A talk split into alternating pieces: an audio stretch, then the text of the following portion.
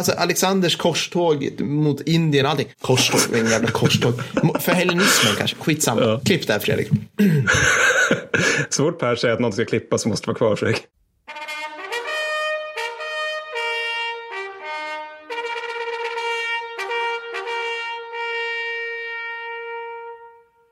God dag kära lyssnare och välkomna till ännu ett avsnitt av Kickstorypodden. Det här avsnittet har jag väntat på för att nu ska vi bara grotta ner oss i början av den svenska stormaktstiden. Mattis, det kommer bli inget krig eller något sånt. Vi kommer bara prata politik och grunden till en massa konflikter. Är det så? Är det så? Precis. Olika middagar som man höll i Västfalen under en alldeles för lång tid. Det ska vi prata om. Ja. Hugo Grotius också, hur han applicerades och inte applicerades under 30-åriga kriget. Det ska vi prata prata om.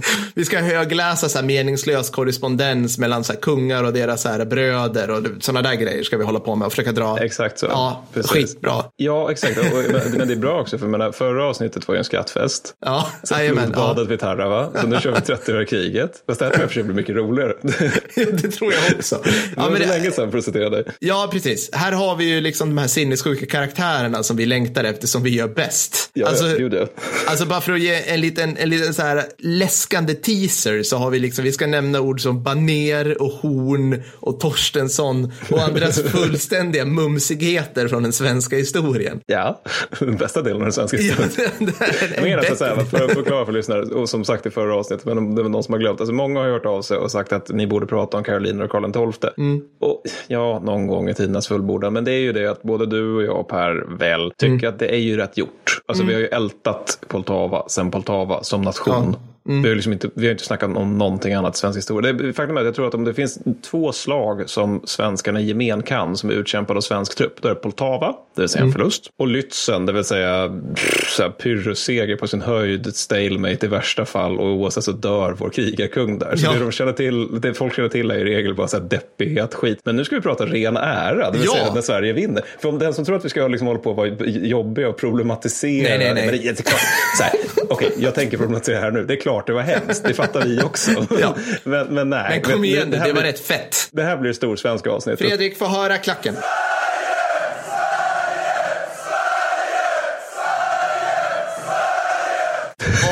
Tack. Alltså det här kommer vi, det här kommer vi kräva kasta in övertid. Man kan faktiskt säga så här Mattis, att du, du var ju snäll där liksom åt att säga att vi pratar mycket om Potava. Jag skyller ju allt det där på kulturmarxism, woke och PK-fucking-samhället. Alltså det här har ju varit så länge. Alltså det är inte bara sen vänstern blev lite gnällig, utan, utan det här är ju varit, alltså det är ju länge. Har du varit rätt i. Ja. Förlåt, jag avbröt inte resonemanget. Nej, nej, nej, nej, nej det, det, var bara det. Jag ville bara, jag ville bara återigen dra in politik i det hela, precis som vanligt. Vi i pöbelhögern släpper aldrig det där lilla strået.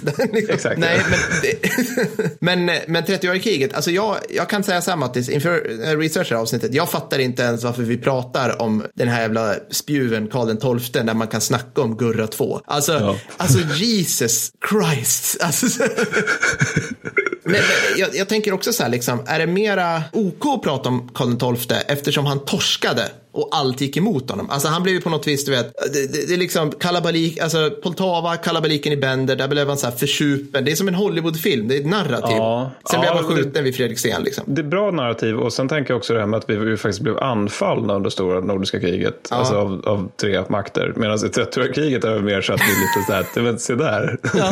det finns ett tillfälle med stor T här. Det kan ja. men, men, men sen också tänker jag att, jag var inne på tidigare, typ avsnitt 10 eller någonting, men att alltså, man är historielärare eller liksom ska hålla på med historieundervisning för populasen. Ja. Då vill man ju gärna liksom skildra en historia som är ganska välordnad. Sådär. Att man ska liksom visa att här händer det här, här händer det här och här händer det här. Alltså, mm. Lite grann som att när man gör den här typen av avgränsningar. Till man säger att andra mm. världskriget började 39 och slutade 45. Mm. Och det här säger man trots att man vet att, att det liksom är stridigheter innan och efter de mm. här två årtalen. Men det är för att det liksom blir en avgränsningsfråga och att historia ganska ofta handlar om att dela upp saker och ting. Och, men just när det gäller liksom, var ska vi peka på att stormaktsväldet slutar. Liksom, vad är mm. spiken i kistan för det? 1709, Poltava. Mm. Och då är det, det är lätt liksom. Ja men precis, och då är det fint att säga så här, titta barn, krig är dåligt. Ser ni? Ja, det går så här, folk dör. Och liksom, ja, det, det, det, bara, det bara ljuder av kulturmarxism i mina öron kan jag säga Mattis. Medan Gustav II Adolf däremot, en ja. hjältedöd på toppen av sin karriär. Alltså några få in, år in på det svenska bidraget i Eurovision War Contest han hade ju så utan problem gått till final. Alltså, Ja, hade, ja, han, ja. hade, han hade liksom, man, man kan ge sig fan på att han hade liksom blivit serverad Ferdinand den andres huvud på ett fat i vin. liksom. Precis. Jo, nej, men precis. Alltså, tur var så hade han ganska kompetenta ersättare också. Men vi ska komma till dem. Ja, som men, fan. men ska, vi, ska vi köra lite shoutouts innan vi, innan vi kör med själva krigandet? Ja, det kan vi göra. Jag börjar. Jag tycker det här är roligt. Ni har ju det här på en måndag såklart. Jag kan garantera er att måndagen innan det här så var det en massa människor som yttrade sig på Twitter med typ, och sa typ saker som så här, ännu en måndag förstörd för att det inte kommer någon krigshistoriepodd. Det här Ja. tycker jag är fint sagt på ett härligt svenskt passivt aggressivt sätt. Men jag gillar det. Så min shoutout är till alla de som gör lite det. Det är så här stabsassistent och alla ni andra. Fina människor. Ja, nej, men eh, jag tänkte faktiskt vara lite originell i min shoutout här. För att jag har fått in många fina ord och bidrag och så vidare. Men sen var det att jag la ut en bild på läslistan för det här avsnittet. Alltså, Ja, det, det, ja. De 8-10 böcker jag tänkte ta komprimerat till fem felstavade sidor med punkter. och det, det, den, det ledde till stor uppmär- eh, mun- munterhet bland eh, de som följer oss på Instagram. Så vi tar först då Lars Petersson, 90, som skriver ta upp en massa sna- smaskiga grejer om hur vi härjade runt i Tyskland så jag kan skrämma upp vår tyska granne med. Han påstår att han hörde som liten att i vissa delar av Tyskland fortfarande sa till barnen att uppför dig annars tar svensken dig. Och han har mage att påstå att detta måste vara en lögn för vi är alltid så trevliga. Spelar ingen roll vad jag säger så jag måste ha content och säkra källor som jag vänder mig till er krigshistorien och väntar med spänning och andakt på nästa avsnitt. Ja. Det fina är att han tror att vi är säkra källor. Det är det jag tycker är bäst med Ja, det där. nej, men Eller? det är relativt ändå. Det, Ja, men, ja. sen så har vi då Gustav Ruinius då, som eh, skriver, ser ut som att ni tänkte ge er i kast med 30-åriga kriget. Ett veritabelt självmord i termer av komplexitet och, om planen är att täcka hela kriget. och det har han fucking rätt. Har han lyssnat på oss? Vi har aldrig Han- brytt oss om. han- Vi har bara klyvt den gordiska knuten i alla komplexa frågor. Jag, jag Ja. skulle säga att han är en av, mer, en av våra mer noggranna lyssnare faktiskt. Ja. Det, det har varit ett antal tillfällen där jag har lyssnat och tänkt att oj fan, ja, fast det där, det där det märker nog igen. Så dy- dyker Gustav upp och, och säger, "Hörni, hur tänkte ni här? Jag bara, åh fan, det här var ju det här var kritik som var rimlig. Eller kritik var respons som var rimlig. Det är Ja. mycket lättare efter det här Waffen SS-avsnittet där vi dissade dem. Där det dök upp fol- folk som, eh, på Instagram som tyckte, men vad fan, de var ju häftiga. För men, det är ju sånt som man bara kan skaka av sig. Men, men Ja. det här där det är någon som har liksom argument och läst Ja, jag vet. på och sådär. Det, är ju Jag, jobbigt alltså. jag, jag, jag gillar inte det. Folk som typ så hörde av sig efter att jag påstod att det var fallskärmsjägare nere vid U137 och folk som bara, jag var där. jag var en av befälen där. De var inte där och man bara, nej, så var det. Ja, okej. Du ljuger. Då är det inte läge för Per att bara, "Mm, åh, men åh, taskigt. Så är det. Ja, och sen så vill vi passa på att tacka Tommy Sjöström så mycket som var den som eh, bad slash tvingade oss till att göra det här monstruösa, det vill säga gå igenom 30-åriga kriget. Tack så hemskt mycket. En annan sak som måste skjuta in, svinviktigt, att vi gör ju, eh, vi ställer ju liksom, vi har en stolthet här att släppa avsnitt där andra poddar inte gör det, så vi tar ingen förbannad julledighet här överhuvudtaget. Och vi passar på att släppa en lite längre. Och med lite längre menar jag ordentligt längre, men det kommer ni gilla. Så att det här går ut till alla er som behöver ha något gött att lyssna på under mellandagarna. Ho, ho, ho! Merry Christmas to everybody! Okej, är vi klara med shoutouts? Kan vi ge oss in i kriget nu? Är vi nere i leran? Let's. Mattis, 30-åriga kriget pågick mellan 1600 nö och 18. 1600 mö. 48. Ja, tack. vad, Det var bra du satt ena där. vad, vad ska vi börja? Vad, ska vi, vad vill du, vad vill du bet, bita tag i här? Alltså som sades här, när man säger, nämner komplexiteten och så vidare så, så är det ju sanslöst komplext om varför det börjar och varför det fortsätter och så vidare. Men alltså, jag tänkte nog att det kunde vara rimligt att börja i det som jag skulle säga ändå är en av huvudorsakerna till att det är så jävla blodigt och det är inte minst så oerhört blodigt för Tysklands civilbefolkning. Och för övrigt, vän av, den, en vän av ordning kanske invänder mot att vi kommer säga Tyskland och Österrike och sådär när Ja, det ska men- vara tyska ja. riken och kejsaren och så vidare. Det skiter vi. Ja. Så att, ja, oavsett, jag tänkte vi skulle börja med någonting så trist som logistik. Och Ah. där hör vi ljudet av ungefär 50 procent av lyssnarskaran som försvinner. Men, men det är faktiskt ganska intressant i det här fallet, eller i regel intressant. Men, men i det här fallet så är det liksom att om man tar grundpremissen för logistik under 1600-talet så är det liksom ett problem att arméerna har liksom bara blivit större och större sedan 1500-talet egentligen. Så liksom när Gustav den andra Adolf är ute och härjar då kan hans armé vara dubbelt så stor som de var under 1500-talet. Och där, dessutom så är det en massa familjer och liksom ölbryggerskor och tvätterskor och prostituerade och allt möjligt folk som bara följer med arméerna. Ja, så det ja. sväljer ju dem till liksom så här med 50 till 150 procent, alltså utifrån hur många soldater det Mm. finns. Ett ganska bra exempel är liksom vid Jankov 1646 är det väl? Ja, det, vi kommer till Jankov. Då, då är det liksom att den svenska trossen erövras. Och tillsammans med trossen så erövras arméns fruar, Mm. som, som då, då tur är då återerövras. Så att säga. Men, men, men det här säger mig rätt mycket om hur nära de civila är med arméerna. Mm. Och utöver det så har liksom, man har vagnar som man transporterar saker i och man brukade ha någon form av tumregel att det krävdes en vagn med fyra hästar för 15 man i armén. Då. Och det här, alltså alla de, det här är så enorma Mm. Det blir sjukt mycket hästar och sjukt mycket vagnar. och sjukt mycket folk. Alltså det, Mm. eh, Många av de här arméerna är ju betydligt större än vad en stor stad är på den här Ja. tiden. Alltså en stor stad är typ så här 30 000 människor. Liksom. Det, men, men de här kan vara betydligt mer än så. Ja. Det, det, jag hittade lite olika uppskattningar om det. Men jag, hittade, jag tror Armémuseum påstår att det krävdes 20 ton per dag för Ja. att förse 20 000 man med käk och Ja. ammunition och allt det där. Och sen hittade jag om det var Peter Englund eller någon som påstod att det var 50 ton. Men oavsett så är ju det här liksom 1600-tal. Det är svinmycket grejer som bara måste pumpas in per dag. Mm. Och grejen är att det går att försörja dem ganska hjälpligt så länge de är stilla på sitt eget territorium. Då, då, Mm. Det funkar. Alltså soldaterna kommer börja liksom tjuva och ha sig. Men det kommer liksom inte vara de här mordorgierna som man relaterar till Nej. 30-kriget. Men så fort de är på marsch genom fiendens territorium då är det nära nog omöjligt att få den här kontinuerliga strömmen av mat. Så liksom lösningen är ju då mer eller mindre, ja, obra. Alltså, lösningen är helt enkelt att man, man tar ju mat där man befinner sig. Ja. Av de som bor där man befinner sig. Ja. Sen har man en så här halvcrappy lösning som kan man kalla för kontribution, vilket är att en armé bara dyker upp vid en stad och säger hej, vi vill ha så här mycket pengar. Och stadsborna bara okej, vi, vi fixar det. Och, och det, det här är ju då för att arméerna är så pass jävla dyra att det är, Ja. det är väldigt få i Europa som har råd att liksom fixa pengar till soldaterna. Så jag tror det var Spanien som går bankrutt tre gånger under 1600-talet bara för, på grund av militära På grund av att de är spanjorer egentligen. Men, ja, ja, Dels det, ja, men också, ja, ja, ja. de hade så jävla kast, ka- skattesystem löst. Ja. Ja. Skitsamma, de hade liksom dålig koll. Men, men den här kontributionen, det genererar ofta till plundring. Då. Och Ja, ja. sen också att man håller på med kontribution leder liksom till att man har behov av fler soldater som kan gå runt och säga till städer att vi vill ha mer pengar. Vilket Mm. i sin tur leder till behov av mer kontribution, vilket leder till mer soldater. Och, och så håller det på sådär. Liksom. Men allt det här leder liksom att arméerna hela tiden är i rörelse för att hitta mat och pengar. Mm. Och de är liksom ganska självförsörjande givet att de får plundra, att de är i områden som inte redan är avväpnade. Liksom. Men under 30-åriga så det pågår under 30 år, så det är ganska vanligt att de marscherar igenom där det bara som är liksom av, män, en av människor skapad öken egentligen. Och sen så kan de också få in visst skit via floderna, men det innebär ju också att floden dikterar hur de ska marschera.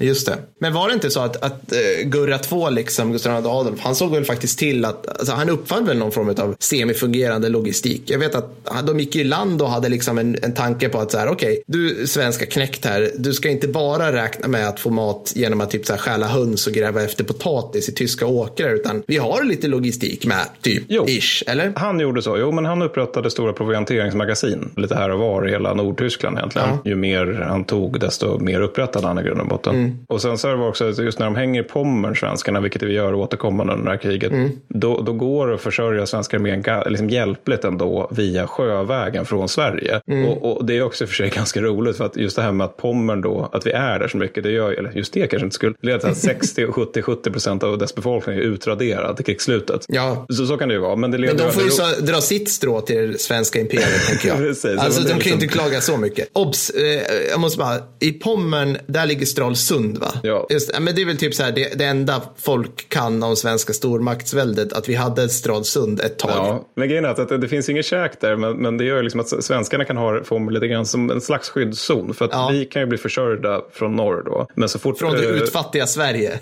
Ja, men så fort österrikarna kommer upp där med sina jättearméer, då svälter ju de ihjäl hela högen för att det liksom inte finns någon käk där. Så Pommern blir liksom som en morot för offensiver och ett liksom litet skydd också för motoffensiver. Men så det var det om logistiken. Men det, det, det, tycker jag, det, tänk att det kanske förklarar varför det är så många tyskar som går åt i det här kriget. Just för att liksom man bara drar igenom deras städer och byar och letar käk. Mm. Ja, men det är väl ungefär, alltså, det, det, det är väl liksom gemene mans snabba syn om man typ fångar någon på stan och tvingar av dem eh, deras mentala bild av 30-åriga kriget. Alltså misär, våldtäkter, missväxt. Alltså framförallt missväxt, tänker jag. Men det var väl ändå ett bördigt landskap. Så att, men vi, vi kanske kommer till det här också, men en sak som, man, som slog mig när man läser igenom om 30-åriga kriget, det var liksom så här, jaha, okej, okay, nu utraderas, liksom, så här, gång på gång så utraderar den svenska hären de kejserliga styrkorna. Mm. här, typ, ge, ge dem otroligt förnedrande nederlag, liksom. Ta bort, tiotusentals tyskar stryker med och spanjorer och sådär. De här, ja, ja. Vi, kommer, vi kommer kalla dem för katoliksmuts resten av avsnittet. papister. Nej, men, papister, tack. Men så, så här, och en vecka senare dök den här dök till upp med en ny armé. Alltså det verkar finnas en sån jävla rotation liksom ändå. Jo, nej, men alltså, vi var inne på det lite grann i avsnitt 17 tror jag. Att, att vid det här laget så är statsmaskineriet mer effektivt än dödsmaskineriet. Ja. Alltså staterna, i varje fall liksom de som är indragna här, de, de, de är liksom tillräckligt duktiga på att skaka fram, eller de, till, de har skaffat sig tillräckligt mycket kontroll över sina, sina territorier för att mm. de ändå ska liksom kunna hjälpligt få fram nya arméer ifall det blir någon form av krissituation. Jag hittade någon grej där när efter Jankov, 1645 var det, mm. så, så, är liksom Torstensson då, Lennart som vi kallar honom, krigshistoriepodden, han, eh, han, han är på Vi är på förnamn här på krigshistoriepodden med Lennart ja, ja, ja. Lennart. Lennart. Jag alltså, han, han är på väg mot Wien. Ja. Och så, så inser jag att det är en skitstor stad, min armé är typ så här, liksom 1200 luffare. Ja. Det, det, liksom, de var raggiga horder. Jag väntar in förstärkningar från Transylvanien som också är med. De ska komma och hjälpa mig att ta det här jävla jättebygget i stad. Och knäktarna är väl lite så här, vi har aldrig sett någonting så stort. och spetsiga tänder. Nej, nej precis. nej, förlåt. Transylvanien kommer med sina fladderböss och spetsiga tänder. Ja, exakt, exakt. Ja. Nej, men så att han väntar på dem då. Och under tiden så lyckas kejsaren stampa fram folk. Och då är det bland annat då att man alltså, ser till att var femte man i övre Österrike liksom får bli knäckt då helt mm. enkelt. Bara för, mm. nu måste vi bara ha kött här. Det kommer en massa barbarer från norr här som ska äta upp vin. I love it. Okej, okay. det, det, måste vi för övrigt prata alltså vi kommer, vi kommer till det. Men det här hur sinnessjukt, alltså hur töntigt många extremt duktiga svenska generaler som det fanns under 30-åriga kriget. Kan vi ta ja, det nu? Vi kom... Eller vi tar, Nej, det sen. Vi tar det sen. Vi tar det sen. Jag måste hålla i, alltså jag kan inte, ja, jag blir Okej, okay. men ändå, jag menar, trots kan, jag tänkte vi kan backa lite här nu. Så ska du få förklara varför 30-åriga kriget började. Nej, skit i det Mattis. Tack. Men, Tack. men va, liksom, hur såg Sveriges involvering i det här ut? Liksom. Vad började det? Liksom? Nej, men vi kan väl ta liksom Sverige, lite så här orientering om vad Sverige var för någonting på den här tiden. För att, alltså, om man tänker sig Sverige idag, så man tänker sig vad som kännetecknar Sverige, så tror jag att man ändå skulle säga så här, rikt, sekulärt och fredligt. Liksom. 200 år av fred och sådär. Över då Sverige 1630 där det är snarare då eh, fullkomligt fundamentalistiskt. Det är dessutom sanslöst fattigt och det är otroligt jävla krig. Så det är liksom på något sätt tvärtom Sverige som vi ska in i här. Men också mycket mindre, alltså, eller det är större till ytan, men, för vi har ju Finland på den här tiden också, eller östra ja. rikshalvan. Mm. Men, men sen så har vi också liksom en befolkning på, på omkring 1 till 1,2 miljoner invånare då. och i Stockholm bor det 6 000 personer. och det innebär liksom att Gustav II Adolf landstiger 1630 med dubbelt så stor styrka som det bor i Stockholm. Men, och den här styrkan var också, liksom, det säger en del om hur jävla fattigt det var i Sverige, ja. för att alltså, den här styrkan var ett helvete att få, fram. Ja. Kanske ska säga det till lyssnarna, jag är förkyld så jag bara skriker om det. Oavsett, det är därför jag låter som jag eh, Fredrik har försökt beordra Mattis att bli frisk innan det här ja. började. Men Mattis har inte lyckats att ta befälet över sin förkylning Så att Fredrik är djupt besviken, det ska vi ha sagt också. Vänta mig. Ja, alltså, det var ett helvete att få fram den där styrkan som landstiger ja. i, i Pommern då 1630. Och det är en adelsman som skriver sin bror, alltså året 1630, att citat, Östergötland, Västergötland och Småland lever mest av bark och ollon.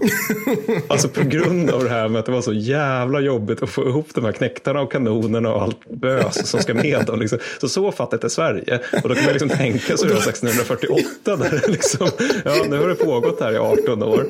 ja men det är så sjukt. Vi börjar kriget med att liksom skrapa botten på tunnan. Att liksom, att liksom avfolka landsändar. Ja, men jag får att man, man mot slutet av kriget kallade Sverige för soldatänkornas land. Ja. Vilket är lite sjukt. Ja, nej, men exakt, jag har väl en annan, en annan liksom faktoid därifrån. Till exempel. För Gustav II Adolf han stampade ju fram den stående armén, sen hade han reserver. Han gjorde ju liksom den moderna armén på något vis. Det här kräver ju folk, liksom, inte bara i frontlinjen då så att säga med, med hären i Tyskland som precis har stigit i land, utan reserver helt enkelt. Och det är någonting i stil med att var tionde svensk man, eh, eller fel, för, ja, var tionde svensk, liksom, även inkluderat finnarna, är då då med i hären.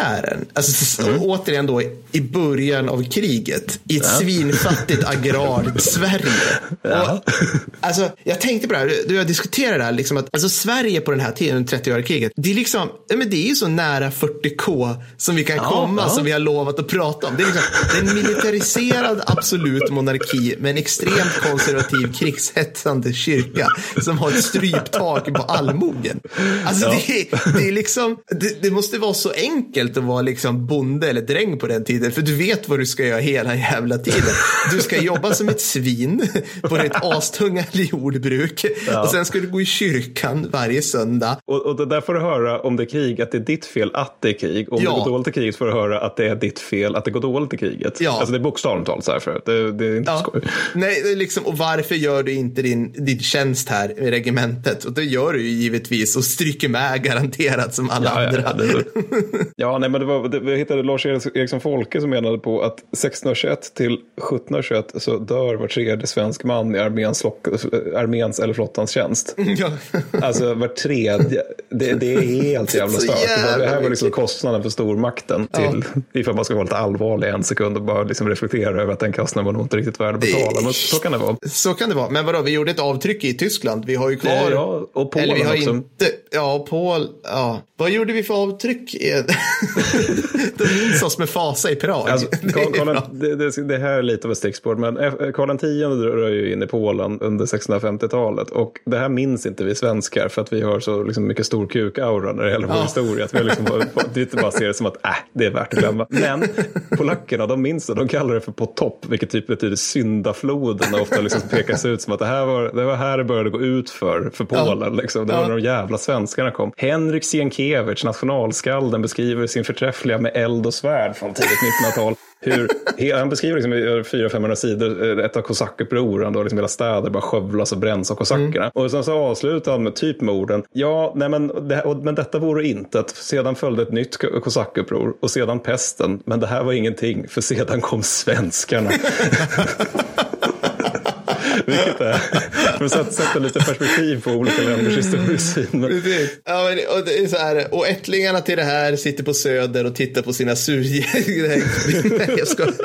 jag var också lyckligt ja. omedvetna om att polackerna fortfarande minns svensktiden som något dåligt. Alltså, men men han nämnde det här med svenska soldaten. Ska, ska ja. vi köra lite med honom? Eller? Ja, tycker jag. Vem var han liksom? Ja, alltså han, man hade ju det systemet då att man på grund av egentligen statsfinansiella brister så, så alltså det gängse under den här tiden var ju att man, man körde legoknektar helt mm, enkelt. Mm, mm. Och, och, i det liksom fallet så var det att man, det var liksom en privatperson som fick ett patent som det hette från en lokal makthavare. Mm. Och det, det gav vederbörande rätten då att, eh, och det, det kunde vara en officer men det kunde också bara vara en rik person. Så att liksom så här, i våra tider hade det varit så här Camilla Läckberg upprättar infanteriregemente åt Sverige.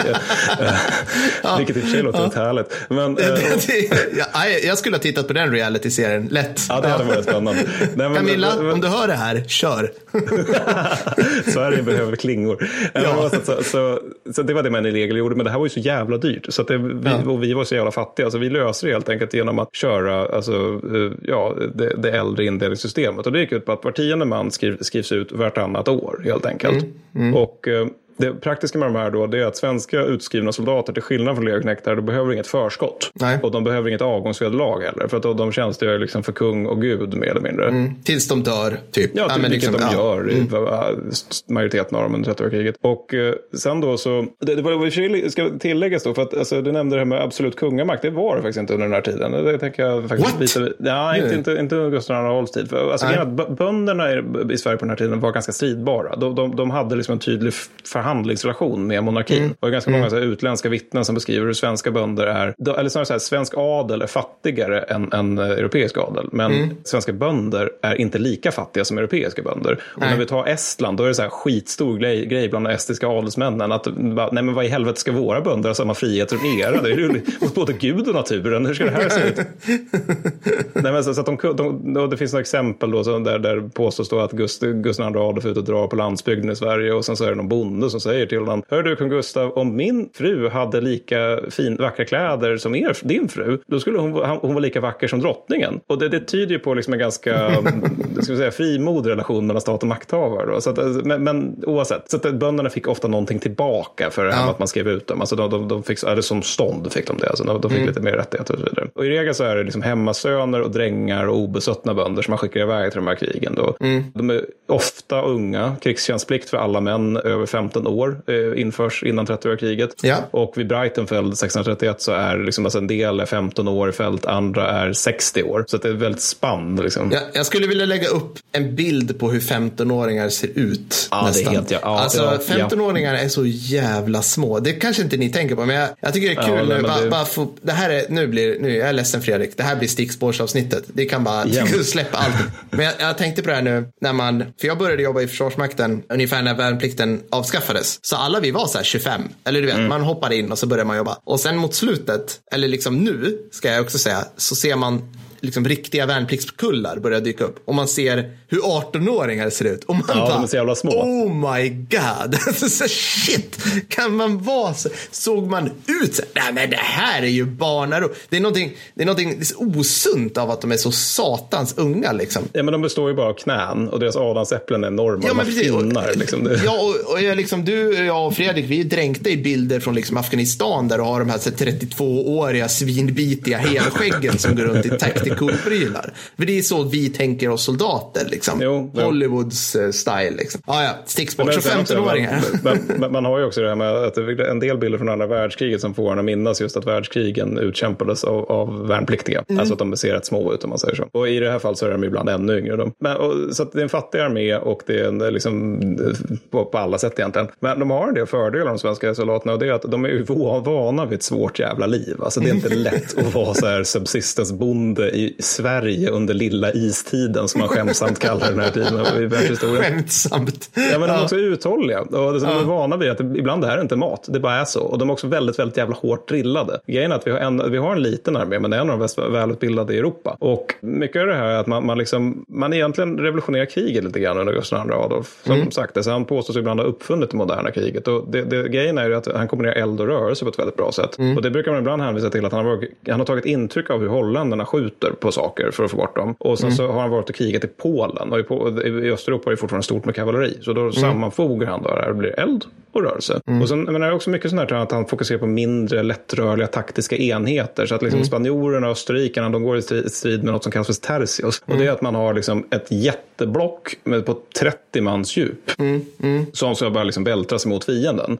Medan svenskarna då, eller Gustav II Adolfs soldater, han, han har liksom snarare sex mans djup då.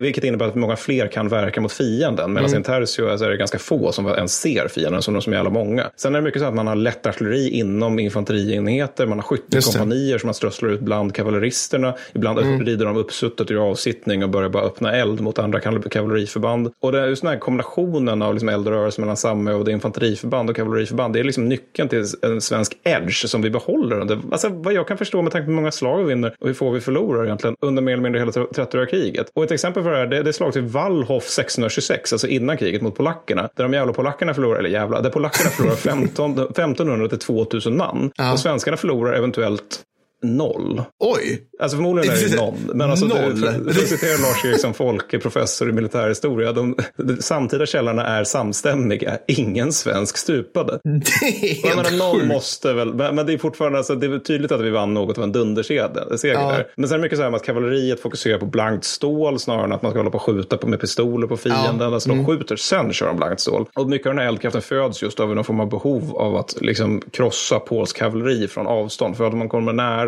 då blir det inget bra helt enkelt. Och så, Nej. så är de dessutom drillade att skjuta typ tre gånger så snabbt som sina fiender, vilket är också väldigt bra. Så det, det är liksom liten men jävligt hård armé. Ja, men precis. Alltså, jag har ju, det jag har ramlat över här det är liksom att vapentekniskt, och det följer på det du säger, så gick man ju mot mindre och mindre kalibrar också. Men ta till exempel musköter i början av 1600-talet så måste du, det var en jävla tingest där, du behövde ett stativ. Och hela tiden så blev det mindre och mindre och bättre tändmekanismer. Så mot slutet av 1600-talet, då har du de här, det vi tänker oss karoliner egentligen, liksom, som kan, hör och häpna, springa med sina musköter. Sina då typ flintlås, hjullåsmusköter. Liksom. Så det, det, man kom ju på att man behövde komma för ah, de var ju fortfarande så sinnessjukt op, alltså, oträffsäkra, eller vad ska man säga? Så att de behövde komma nära innan de ruschade. Så att, Jag har att det är 50 meters avstånd har jag för mig. Men nu jag, har, jag har hört att man är nere på typ så här 30, med 15 Ja, meter ibland. Alltså. Alltså ordet blessyr, det är ju från, från att någonting, en kula studsar från en kropp och skapar ett blåmärke. Och det är, Är för att så? alltså, man, man är så långt borta så att liksom, den som skjuter, alltså kulan har slutat ha tillräckligt med energi för att slå igenom en kropp helt enkelt. Så den studsar istället. Därav blessyr, blåmärken. Det var som fan. Ja, Det är också det som händer ungefär om du skjuter med någon med en k-pist 45 på en snubbe som är 50 meter bort och den har läderjacka på sig. Så studsar det. Ville bara, ja, ja det var okej. Ja. Eh, Men bara en sista grej om den med svenska ja. armén. För, för det är också det, det är en intressant aspekt av det hela. Det är att eh, alltså, svenska armén det är ju den svenska armén, men mot slu, alltså, tidvis, det går lite konjunkturer i det, men tidvis under kriget så är det liksom ganska få svenskar i den om man ska vara sån. För Gustav II Adolf, han har ju med sig många så. Alltså, de sväller ju sen när han börjar få lite cash och kan rekrytera mm. legoknektar. Och 1648 då består fältarmén av 37 000 man, varav 9 000 är svenska. Och sen så är det ytterligare 9 000 svenskar och 17 000 legosoldater i olika garnisoner runt om i, i liksom, Tyskland och hemma, hemma vid också. Så att i det fallet så är det en klar minoritet, även om det är några tusen då. Och den här är liksom att andelen svenskar går ner under 1630-talet. Till exempel för liksom att eh, Johan Baner föredrar tyska veteraner och framför både skottar och svenskar. Så man tycker de förstnämnda är otillförlitliga och de sistnämnda de, de dör i sjukdomar hela tiden. Och det är inget roligt. Så att vid han, när han dör 1641 då är det liksom 500 man i hela armén på 16 000 man som är alltså svenskar. Så resten är liksom från halva jävla Europa. Ja, ja. Så någon skotte kommer där bara, I belong to the Östergötland regiment now. Så. What is that? Ja, exakt så låter skottar. Det här var min bästa skotska dialekt. Det det var, det var What, what are? Okej, klipp bort det här Fredrik. Eh, Det här ska vara kvar Fredrik. Fredrik, kan vi få höra Sick People? Come on, you Nancy boy. It's hammer time. Tack. Ja. Ja, men, men sen däremot under 1640-talet så då, då går andelen svenskar upp i armén igen. Och det är för att legoknektar är så jävla dyrt och vi har inte råd. Liksom. Nej, men så, så att det går lite konjunkturer där. Men, men, men eh, det verkar som att det ändå alltid, alltid fanns några svenskar med. Under 1640-talet så är det till och med en ganska stor andel också. Men bara, jag bara tycker det är lite intressanta aspekter. Ja, men alltså, det måste finnas en, en slags, alltså, vi, vi, vi pratar ju, alltså, det här tycker jag är ett intressant krig. För att i nästan alla andra krig som vi har pratat om, då är jag, då är jag relativt intresserad av soldaten på något vis. Men Mm. här är det ju så, alltså, här har vi sådana jävla sjuka karaktärer till fältherrar som är svenskar. Och i vissa fall så är de ju väldigt, alltså mycket svenska. Men som du var inne på så, Gustav II Adolf och gelikar skapade ju också en slags generalstab där man försökte liksom, du horn har logistik och du har det och du har det och du har det. Så att det måste ju ha funnits ett, alltså du kan inte bara haft liksom lössläppta, du måste ju, du måste ju kunna liksom lämna in de här tyskarna och skottarna och, och legoknektarna i ett system ändå. Som så, så här fungerar en svensk armé. Du ska göra det, du ska göra det, okej, eller? Ja, men rimligt, alltså, jag frågade en doktor i historia med specialisering på 1600-talet som vi båda, alla tre känner faktiskt. Och jag frågade just om hur gjorde man det här när man tog krigsfångar av som var österrikare och inlämnade Ja. dem i svenska hären? Alltså hur gjorde man för att de skulle ta till sig vårt taktiska system? Och då så, så, svarade han att han misstänkte att man helt enkelt utbildade dem, men han var inte säker. Så jag, jag är också osäker där helt enkelt.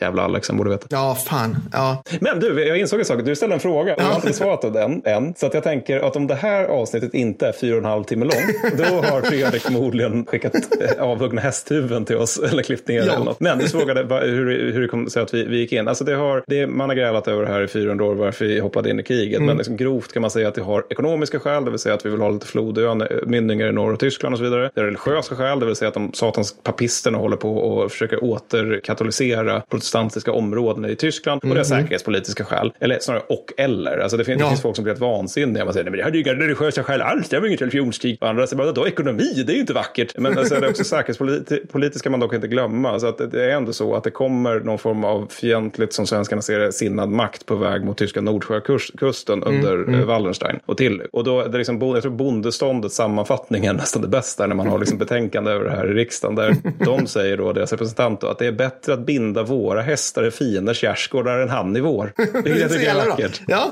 ja. Det där, jag borde ha sagt det på skånska, eller småländska snarare, för jag hade inte. Men Vi gör inte bara våld på andra främmande språk, vi gör våra egna dialekter också. Jag Det är älskar det. Ja, men, men det här påminner ju, herregud, Mattis, det är ju så Försvarsmakten av idag fungerar. Vi bygger fred tillsammans med andra i andra länder. Vi har ju fortfarande. Vi åkte på mission, Mattis, i norra Ja, Tyskland. Det är ja, så vi kan vackert. se det. Ja, nej, men ungefär så gick det till. Precis, det är krigshistoriepodens officiella hållning. Jajamensan. Nej, men det var i alla fall. Så, så i so- sommar 1630 då, så landstiger G2A med 13 600. Jag har hittat hur många olika uppgifter om det här. Alla siffror som sägs här börjar egentligen tas som en ny. Så, så landstiger då på tyska nordkusten med 13 600 man. Och sen så finns det ytterligare 5 000 redan där. Och så, så kommer det förstärkningar på ytterligare 7 000. Och i november 1630 så räknas armén på 29 000 man. Och varav en tredjedel redan är sjuka. Ja. Ja. Sen en månad efter det så börjar ju då, så faller ådermynningen och svenskarna börjar omedelbart ta ut tull, vilket jag tycker är bra. Jävlar. Ja, men det, det, det, det kommer ju är som en röd tråd genom alla sådana här grejer. Så, här, så fort vi kan göra lite ekonomisk vinning, då bara gör vi det. Direkt. Ja, ja. Men också, vi måste ju bekosta det här jävla kriget på något Ja, sätt. ja. Ja. men och sen så kommer kejsar Ferdinand och hans rådgivare som säger Ja. vad kungen inte tjuren på julafton. Inte, den. Inte tjuv på julafton, Nej. även om julafton just har passerat när ni hör det. Jajamän. Men kejsar Ferdinand andres rådgivare påstod att kungen av is och snö kommer att smälta i den tyska solen. Och där känner man ju så här, stor svensk glädje över hur jävla fel han fick över det. Och i Hamburgs tidningar så håller man på att rapportera om så här fruktansvärda lappar som man skriver, samer på modern svenska, som rider på renar och är på väg ner. Jag har för mig att det finns propagandaskrifter där man kan se de här. Jag kan tänka inte lova Vi måste hitta det. Fredrik, kan vi få höra kören nu?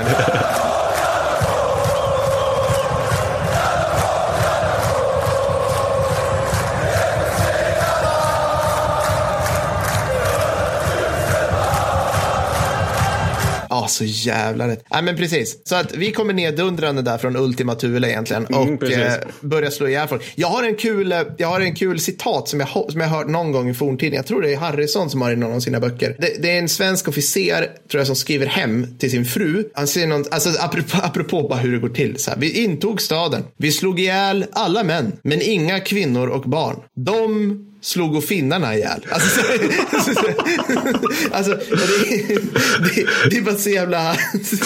Nej, nej, nej. Det är de som gjorde det. De, de blev ju liksom. ihjälslagna såklart. Ja. För vad skulle vi annars göra? Men det var ju inte vi i det här fallet.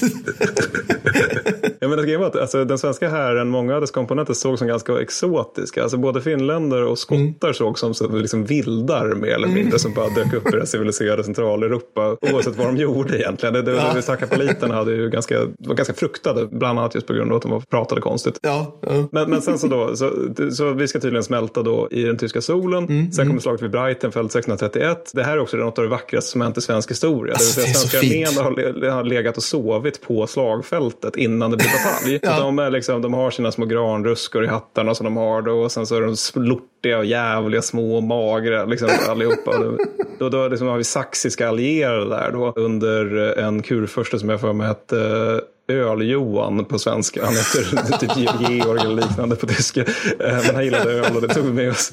Nej, men det var, var saxiska allierade. De bara började garva åt de här smutsiga, lortiga stackars svenskarna och kallade dem för köksdrängar. Sen kommer slaget. Saxarna flyr omedelbart. Sen- Och en förödande svensk seger Ja. följer. Och det här är liksom, helt plötsligt så har hela kriget vänt. Liksom. Att det, allting går svinbra för katolikerna och sen kommer en seger. Deras huvudarmé utplånas i praktiken. Och eh, sen är det bara ett jubeltåg ner längs hela Ja. Tyskland. Där vi liksom helt plötsligt har, har vår armé svällt upp till 120 000 man som är uppspred, utspridda i typ 5-7 olika arméer som Ja. bara tar terräng. Liksom. Ja. Och sen kommer Lützen. Ja, det är lite annat också, men sen kommer Lützen. Men det vet ni redan.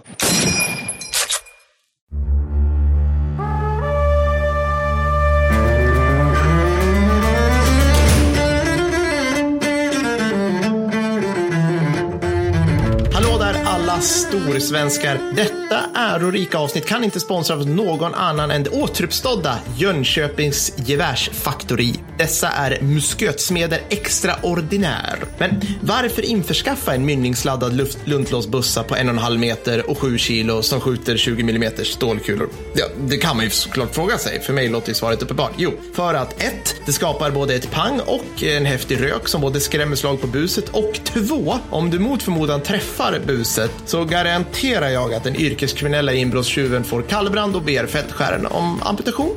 Så kan det gå om man försöker göra inbrott. Hörru Mattis, eh, visst övar din grannskapsförening på eldgivning om tre linjer på Villagatan? Jajamän. Ja, ni ser. Slå till nu så blir en sån här riktig pjäs. Eran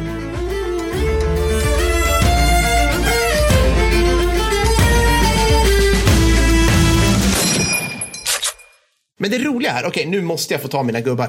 Alltså så här, okay, i alla andra historiekrig, inklusive ja. stora nordiska, allt det här, så dör, om, det, om, om liksom, alltså Alexanders korståg mot Indien, allting, korståg, en jävla korståg. För hellenismen kanske, skitsamma. Ja. Klipp där Fredrik. så fort man säger att något ska klippas så måste vara kvar Fredrik.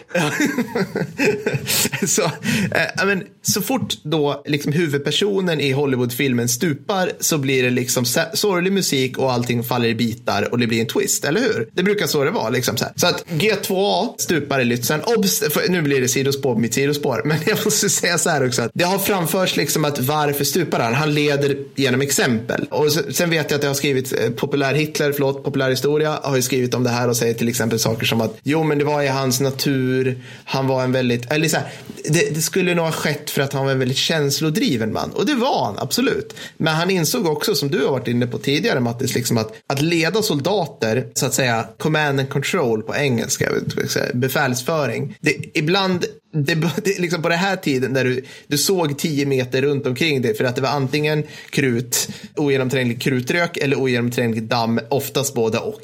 och det, din, all, alla underrättelser du får till din stabsplats är liksom alltid redan försenade. Så att du var tvungen att liksom leda med exempel. Och Gustav II Adolf var fucking extrem på att leda med exempel. Han var alltså främ, framom främste linjen, oftast. Ja. Fram till Lützen så hade han alltså blivit tillfångatagen två gånger. Inte en gång, två gånger av kejserliga trupper. För att han var liksom, nej men han bara, ja, jag måste se vad grabbarna gör. Alltså, jag måste bara fram och kolla. Det, okay, det är ungefär som att, ja, vad ska vi ta? Det är typ som att ÖB bara, Okej, okay, jag har hört, alltså, det är ungefär som att ÖB skulle kräva under djupaste Afghanistaninsatsen att flygas ut med helikopter till där liksom specialsoggen ligger i en oplats mot ett talibannäste och skulle liksom åla sig fram själv där och lite för högt så här, tjena grabbar, hur går det? Och de bara, general, shh, fan, eller shh. Liksom bara. Och sen kommer så här, för att han inte heller vill vara utanför det här, så kommer ju så här Karl XVI Gustav också också med en annan helikopter. Ja, ja. Spolerar hela skiten. Talibanerna anfaller. Och, liksom, och typ liksom Knugen och ÖB får liksom skjuta p-skott och bara det här är det roligaste vi gjort någonsin. Och så killarna bara helvete. Under tiden sitter Stefan Löfven, det vill säga den här tidens Axel Oxenstierna då, som sitter hemma och bara, men vad i helvete, hur ska jag finansiera allt det här? Alla de här äventyren de håller på med. För sen invaderar nämligen ÖB och kungen Tadzjikistan. Ja, ja, ja, visst. På, på infall. Ja, de hade en jävligt blöt kväll i bastun på CNL. Liksom. Alltså, och, på riktigt så här var det. Så att, så att Gurra 2 blev alltså tillfångatagen två gånger av kejserliga. Båda gångerna så hade hans då stackars livvaktsstyrka som förmodligen hade svårartade magsår vid det här laget fritagit honom. Men han var alltid framme främsta linjen. Så att det var liksom givet att han skulle stupa. Alltså på riktigt. Ja, för att jo. det var liksom, där är kungen, där, där är svenskarnas kung. Vi skjuter såklart på honom. Och titta, nu leder han ett ryttaranfall rakt in i papisternas center här på Lützen. Som ja, för han, han blev skottskadad flera gånger, under, eller i alla fall ja, två ja. gånger minst, under polska fälttåget. Det är ja. för mig att det är en delanledning till att han inte kan ha på sig sitt älgskinnskylder ordentligt, vilket gör att han, han blir ju liksom dödligt sårad vid Lützen. Ah, det är så jag det är. är något sånt. Ja. Men, men det, det säger ju en del liksom, om hur jävla farligt det var att vara den som nu är kung och tar täten ja. för ett kavalleriförband. Ja. Liksom, det, det, är inte så att man sitter längst bak, likt någon jävla Douglas Haig och dricker konjak. nej, nej, nej, nej, nej. Pojkarna behöver mig pojkarna behöver mig. Det är motsatsen till Konrad i det här fallet. Och det tar ju emot ja. att säga såklart. Med tanke på att Konrad är alla vårs förebild. Men okej, okay, för att backa tillbaka innan mina två stickspår här. Ja. I, vanliga fall då hade, hade liksom det svenska fälttåget, alltså det här hade varit slutet Mattis. Vi hade gjort två, tre år i norra Tyskland och sen att vår kung är död, vi drar oss tillbaka till vårt fattiga land i norra, liksom i yttersta nord. Mm. Men vad händer? Vad fan är det som händer? jo, för att under Gustav II Adolf så har vi Gustav Horn, oxen, slash Oxenstierna, det är lite oklart. Johan Baner, Lennart Torstensson och Carl Gustav Wrangel. Hjältar hela högen. Alltså det här är typ som att, som att Hitler hade kroknat 42 och den tyska krigsinsatsen på alla fronter hade tagits över av i ordning Kesselring, därefter Manstein, Guderian och Rommel. Alltså ja. så här, det är liksom, kriget hade pågått till 55. De, ja. Tyskland hade hunnit ta halva Eurasien och ner till liksom Uganda innan, innan liksom de allierade. Det var det är först typ när de kommer till Vietnam som allting faller. Liksom. Ja, ja men typ så här, alltså, för det är så inåt. Fredrik, jag måste få höra klacken igen.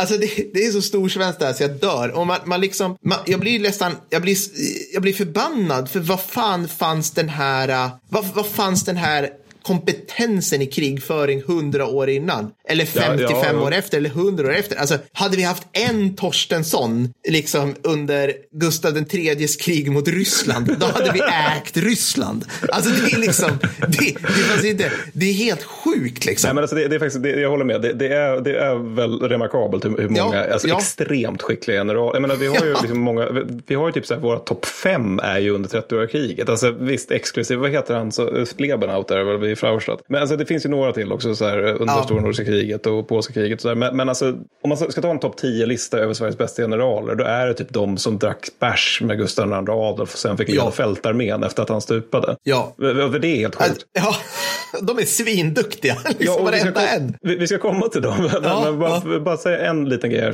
För att vi kommer, nu kommer vi komma in på herrarna här. Yes, vi kommer komma till mina herrar. Vi, ja. vi kommer komma till Lennart. ja. men, men då är det yes. så att, för det finns liksom några generella grejer här som ändå behöver bakhuvudet när vi håller på om där. Det är att det är liksom två mönster i kriget. Det ena mm. är i nord-sydlig riktning och det är svensk jojo. Det är att vi pressar oss ner för att liksom angripa de eh, österrikiska arvsländerna mm. och sen pressas vi tillbaka för att eh, liksom återgruppera i Pommern och blir jagade av de kejserliga hela vägen. Jag bara fråga Mattis, de, de, ärke, vad sa du? de liksom ärkekejserliga länderna i norra det är Mordor, alltså det, det är ja, liksom precis, här, det är där exakt. papisternas det, det starkaste fäste. Det här liksom. är, skulle jag säga, liksom en av de mest tydliga svartvita konflikterna i världshistorien. Så de jävla har bra. fel och vi har rätt. Du har helt rätt, det är Mordor.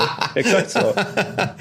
det här spårar så jävla hårt. Svenskarna är rebellerna, papisterna är rymdimperiet. Exakt. Äntligen. Påven är Sauron. Men, Äntligen. än idag. Men, så det är nord, nord, nord-syd så är det svensk jojo liksom, där vi åker ja. upp och ner. Då. Och efter, efter Lützen så är vi vi, eller snarare efter Nördlingen som är 1634 så är vi på väg upp av naturliga skäl. Liksom. Och sen så i väster, där dyker fransmännen upp som gubben i lådan när det börjar gå lite trögt för dem. För de, är de, de våra så, kompisar vid det här De är våra kompisar. De, okay, de ger yes. oss, ska vi säga, från 1631 och framåt så ger de oss 400 000 riksdaler varje år så länge vi har trupp i Tyskland. Och det är jättemycket Bra pengar. kompisar. Ja. Jätte, jättebra kompisar. Och sen lite senare går de också med i kriget för att de känner liksom att okej, okay, vi har Spanien här det styrs av huset Habsburg. Och sen så har vi österrikarna här som styrs av en annan gren av huset Habsburg. Ja, och de har också Holland och en massa skit söderut. Vi håller på att bli helt jävla inringade av en massa inavlade Habsburg-ättlingar. Ja. Det kan inte vi ta. Så att de ger sig in i kriget och då är det liksom, så det finns en västfront i det här kriget som väldigt sällan tas upp i svensk historieskrivning men som är svinviktig. Och det är egentligen bara ett enormt nednötningskrig där fransmännen och österrikarna håller på att kämpa med varandra. Och det leder också till att många gånger är svenska framgångar ett resultat av att österrikarna får motgångar mot fransmännen. Men, men ah, det är ja. sånt som man ofta glömmer bort i all uppståndelse kring hur jävla coolt det var. Men får jag, får jag bara sticka in den där? Visst är det så,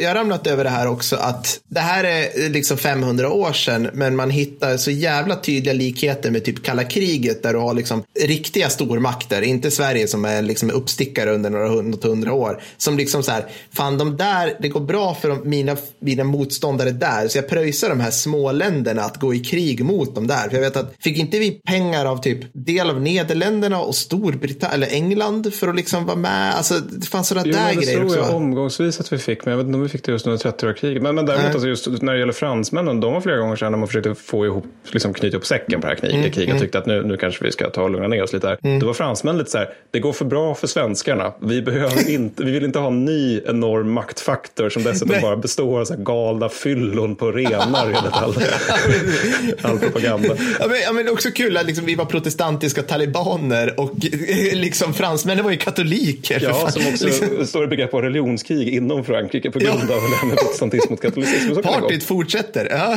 nej, ja, nej, men det var så att, så, så att eh, Lützen kommer, det är ledset, Gustav II Adolf dör. Mm. Och då har vi, vi alltså, fortfarande 100 000 man uppdelade på sex arméer något mm. 1633 då. Men grejen är att på grund av bristande ledning post Gustav II Adolf då, för han kunde så, liksom, få ihop folk så, och egentligen på grund av så här ganska dåliga förhållanden generellt. De, de, de här liksom börjar liksom knoppa av, de smälter ihop, de, de, de, de börjar utkämpa regionala krig utan strategiskt syfte och vi börjar tappa en massa allierade, det är allmänt motigt. Mm. Och liksom efter ett tag så försvinner, via diplomati och elände försvinner alla de här fina arméerna. Och ut, förutom en som återstår då under Johan Baners befäl 1635.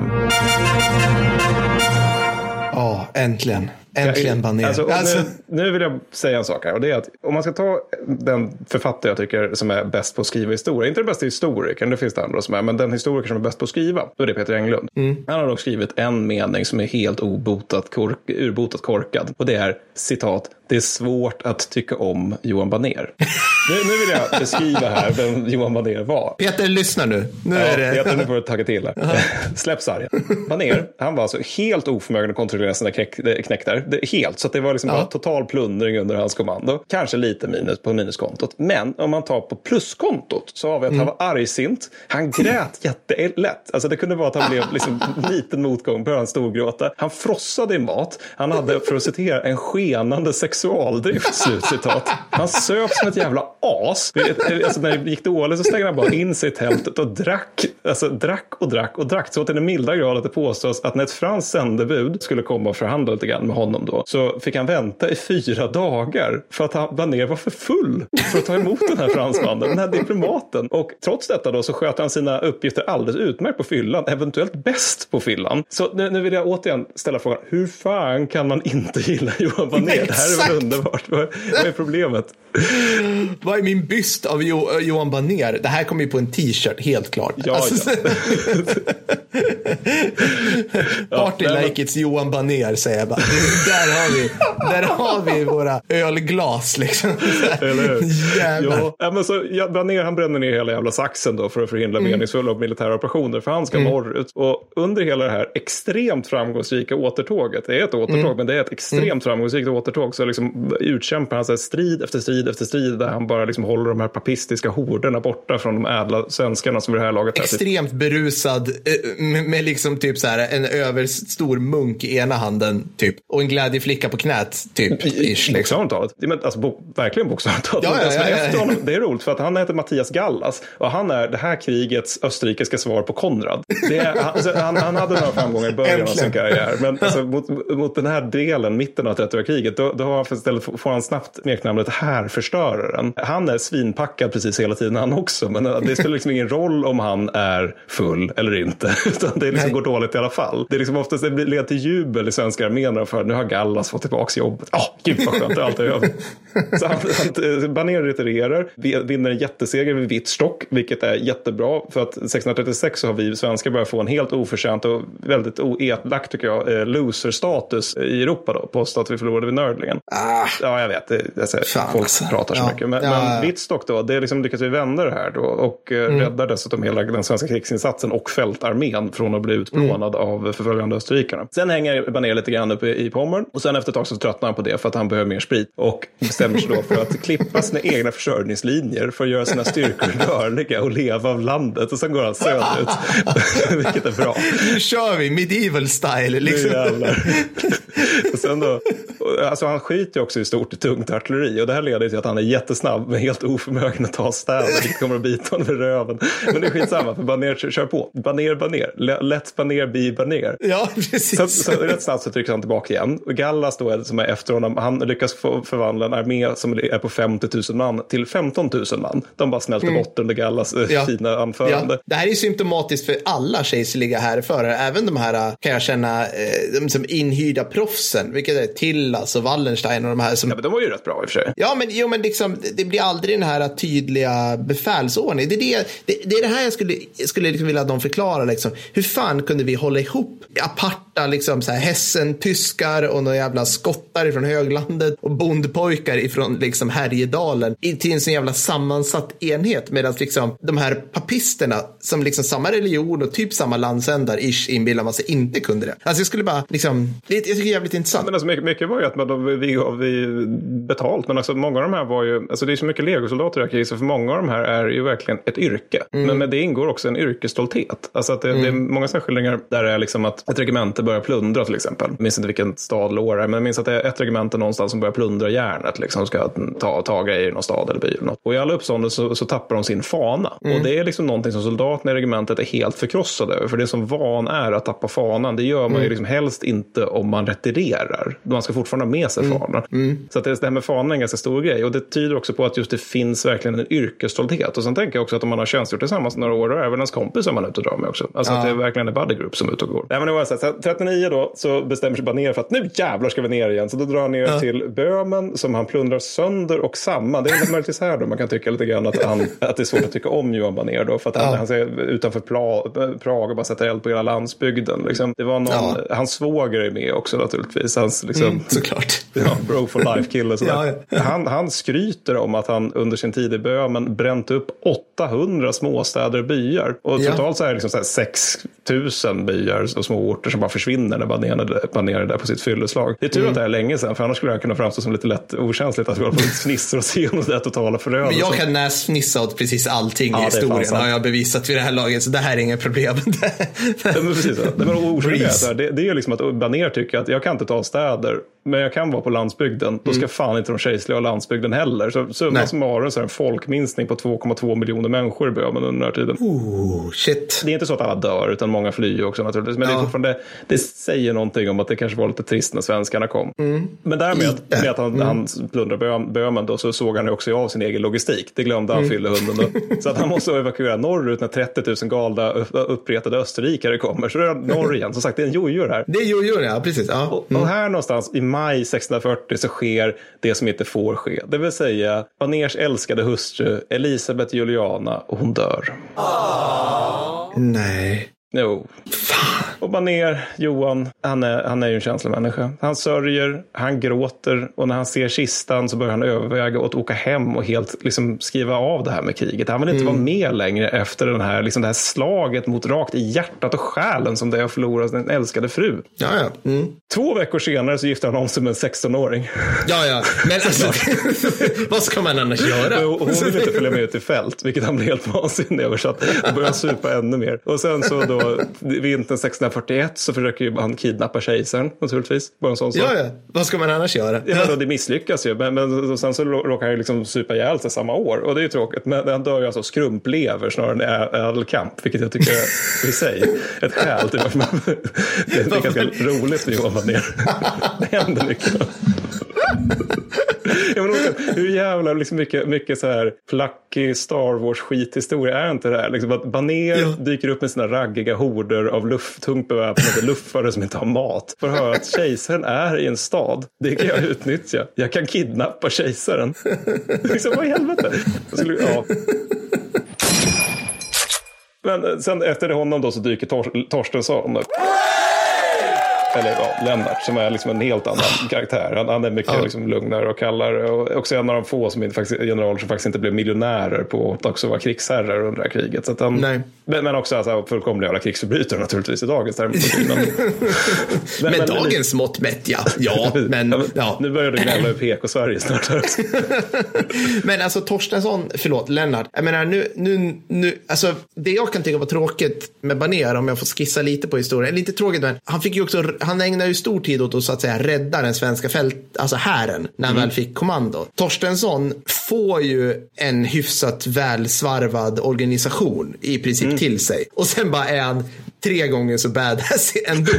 Alltså, det, nu är vi återigen så här Guderian ta armégruppcenter eh, i min arms förlängning svina lite grann. Så här. Väldigt ja. snyggt jobbat. Men, men grejen är så att det, det är dock lite lustigt för att det första som händer när Torstensson kommer ner, han blir lite försenad på grund av dåligt väder och sånt där. Han mm. var uppe i Sverige ett tag och hängde. Det första som händer när han anländer till fältarmén, det är att den är i upplösningstillstånd eftersom alla legoknektarna, återigen det är ju 500 svenska knektar. Ja, just det. Förlåt. Alltså, ja. de, de, har inte fått sin lön på skitlänge de är sura över det. Så det första som händer är att Lennart dyker upp där med skor, för det har de inte heller. Jättemycket tyg så att de ska få kläder, för det har de inte heller. Och pengar, plus svenska knektar också och profosser. Liksom. Så att, eh, och så, och nu liksom skjuter han av några då som har varit ja. särskilt uppstudsiga. Ja. Men så, så, han behöver liksom sparka ihop det där ben lite grann där. För att, eh, det ska tilläggas också att Torstensson har ju så mycket gikt vid det här laget att han måste ju bäras på bår. Han kan liksom inte rida, utan han bärs på bår. En av våra främsta generaler överhuvudtaget. Men för grejen är alltså att Baner har ju naturligtvis, kan man inte älska Baner. Mot mm. slutet av sin tjänstgöring som chef för fältarmén har han typ skitit i disciplinen. Så mm. Torstensson måste liksom påminna soldatesken om att även, alltså, ni är en armé, va? inte bara en mobb.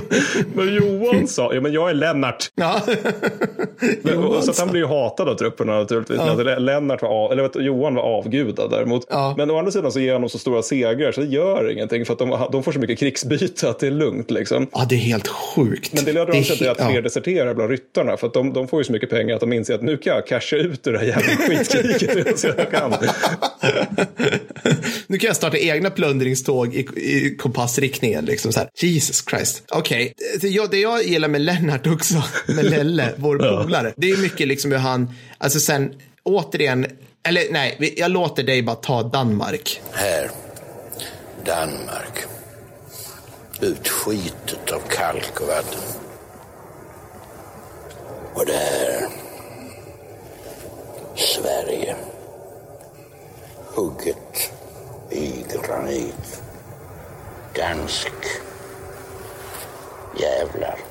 Dansk jävlar! Ja, bara, alltså kan vi, Mattis, vad hände där? Ja, men det, det som är så underbart är att Torstensson får 643 efter att han har börjat liksom hållit på och skövlat haft sig. Ja. Så får han order om att nu befinner du dig någonstans i södra Tyskland, gränsen Österrike, minns inte vad det. Och får han order om att nu ska du angripa om Danmark som är jättelångt borta och du ska ta det alltså innan motoriseringen av arméerna till Danmark. ja. Vilket han naturligtvis gör, för att Lennart är Lennart. Mm.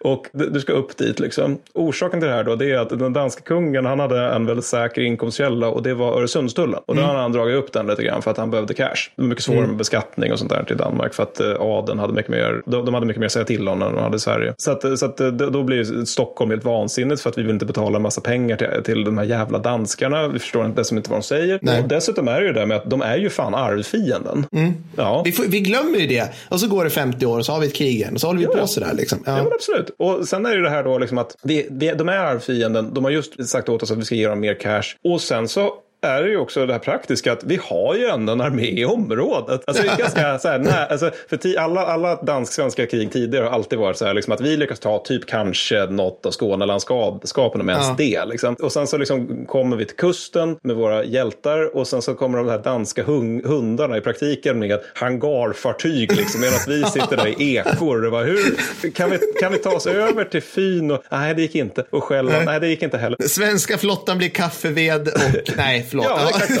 Fast här kommer man faktiskt göra någonting ganska coolt också. Men, det, men nu är det istället så då att här har vi en möjlighet att ta landväg, alltså gå in bakdörren i Danmark. Ah. Och det är ju mm. bra. Mm. Så att Torstensson han dyker upp med liksom en raggig hord på 16 000 man. Medan i Danmark då så finns det 5 600 soldater totalt utspridda över hela landet. Aha. Och det, orsaken till det här är ju då att dansk adel tycker att det här med stående armé är skitläskigt. Så att kronan mm. får mm. liksom vara beroende av legoknektar istället. Men ja, det tar ju lite tid att skrapa ihop sådana. Det var ju tråkigt att Torstensson kom just nu.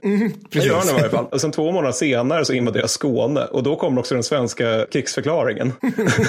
det var liksom lite kommunikationsproblem mellan Lennart och de ja, som skulle ta Skåne. Så det, det, det var Lennart var som sagt svinsnabb. Det var ju ja, det helt enkelt. Det är ja. Lennart liksom. Ja, precis. Nej, men så, så, um, då dyker upp en härold liksom, som har så här väldigt fin, egen, tydlig utrustning och, och kläder och sånt där. Då, som han läser upp så här, ja men på grund av de här sakerna, på grund av Stockholms blodbad och all skit som ni har gjort, era jävla mm. danskjävlar, så kommer det här kriget och danskarna är lite, uh, vi, vi, vi vet, ni har just bränt sönder hela Jylland.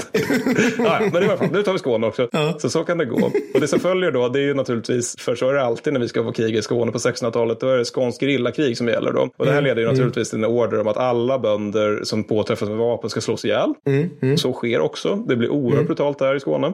Och under tiden så händer någonting helt exceptionellt i svensk krigshistoria. Det vill säga att svenska flottan vin, vinner. What?